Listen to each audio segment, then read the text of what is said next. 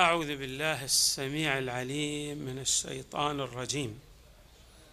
بسم الله الرحمن الرحيم والحمد لله رب العالمين والصلاة والسلام على أشرف الخلق سيدنا ونبينا محمد وآله أجمعين الطيبين الطاهرين.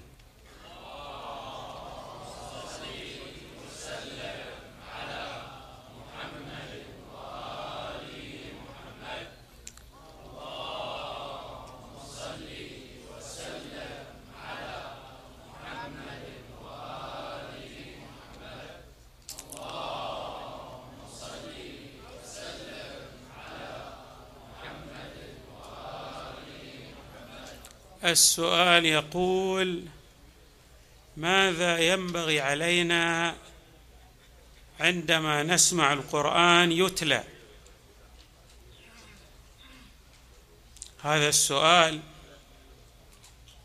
ظاهره بسيط ولكن له عمق.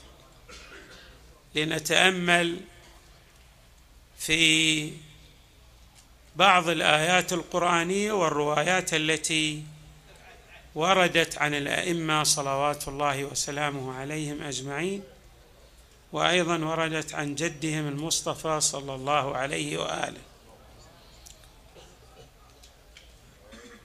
في القرآن الكريم جاء قوله تعالى وإذا قرئ القرآن فاستمعوا له وأنصتوا لعلكم ترحمون. والآية واضحة أي أن الاستماع لآيات القرآن سبب من أسباب تنزل الرحمة على العباد.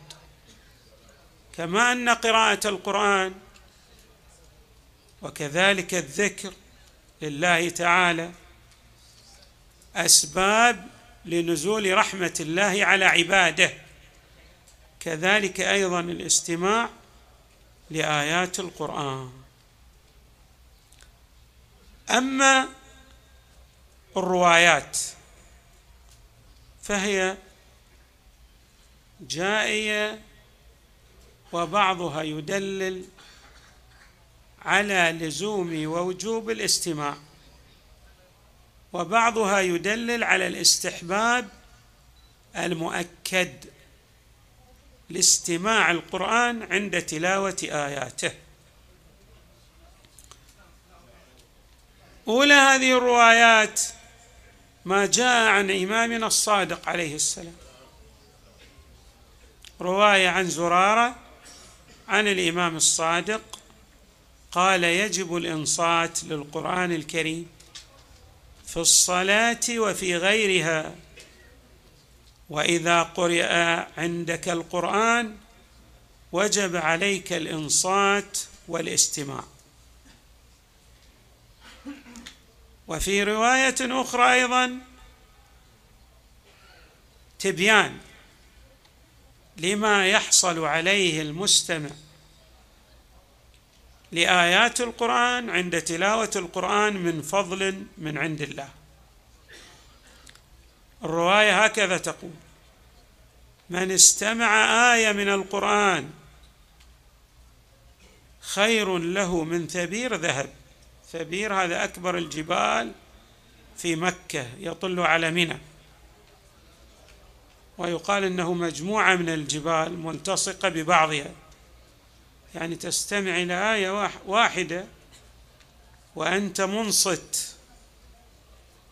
تريد أن تتفهم ما جاء في هذه الآية. خير لك من من أن تعطى كجبل ثبير من الذهب. هذا الجبل العظيم. ثبير هذا جبل يقع شرقي المسجد الحرام. شرق المسجد الحرام وهو من أكبر جبال مكة المكرمة ويطل على منى من جهة الغرب. ويقع بمحاذاة جبل النور. الجبل العظيم هذا الذي في مكة تستمع إلى آية واحدة فقط من القرآن الكريم فلك من الفضل أكثر وأعظم من هذا الجبل ذهبا. نعم.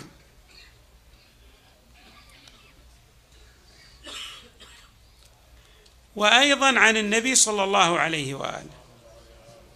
في ذكر الفوائد التي يحصل عليها المستمع لاي القرآن الكريم. يقول يدفع الله عن مستمع القرآن شر الدنيا ويدفع الله عن تالي القرآن بل والآخرة.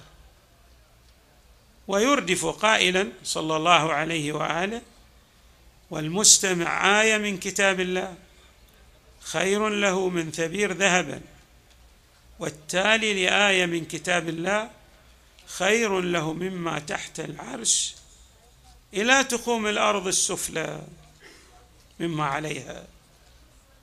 يعني من المقتنيات من الأموال. وفي رواية أخرى من استمع إلى آية من كتاب الله كتبت له حسنة مضاعفة. ومن تلا آية من كتاب الله كانت له نورا يوم القيامة. طيب. أيضا جاء في تفسير قوله تعالى هذه الآية فإذا قرأناه فاتبع قرآنه. هذه الآية لها أكثر من تفسير لكن مما جاء في تفسيرها أيضا من أن المراد باتباع القرآن هو الإنصات والتوجه التام إلى القرآن. ويقول السيد الطباطبائي يرحمه الله يقول إن هذا التفسير تفسير يعني مقبول لمعنى الآية. هو أحد معاني التفسيرات لقوله تعالى نعم فإذا قرأناه فاتبع قرآنه. إذا أنصت له وتأمل في المعنى الذي يريد الله تبارك وتعالى أن يوصله إليك. وأيضا عنه صلى الله عليه وآله إن القلوب تصدأ كما يصدأ الحديد. فقيل له يا رسول الله وما وما جلاؤها؟ شنو الذي يزيل هذا الصدى عن القلب؟ فقال صلى الله عليه وآله تلاوة القرآن وذكر الموت. وأيضا الاستماع للقرآن. اذا هذه الآيات التي هذه البيانات التي مرت علينا من قبل النبي صلى الله عليه وآله وأيضا من الأئمة الأطهار صلوات الله وسلامه عليهم أجمعين كلها تدلل على الأهمية البالغة للإنصات للقرآن الكريم.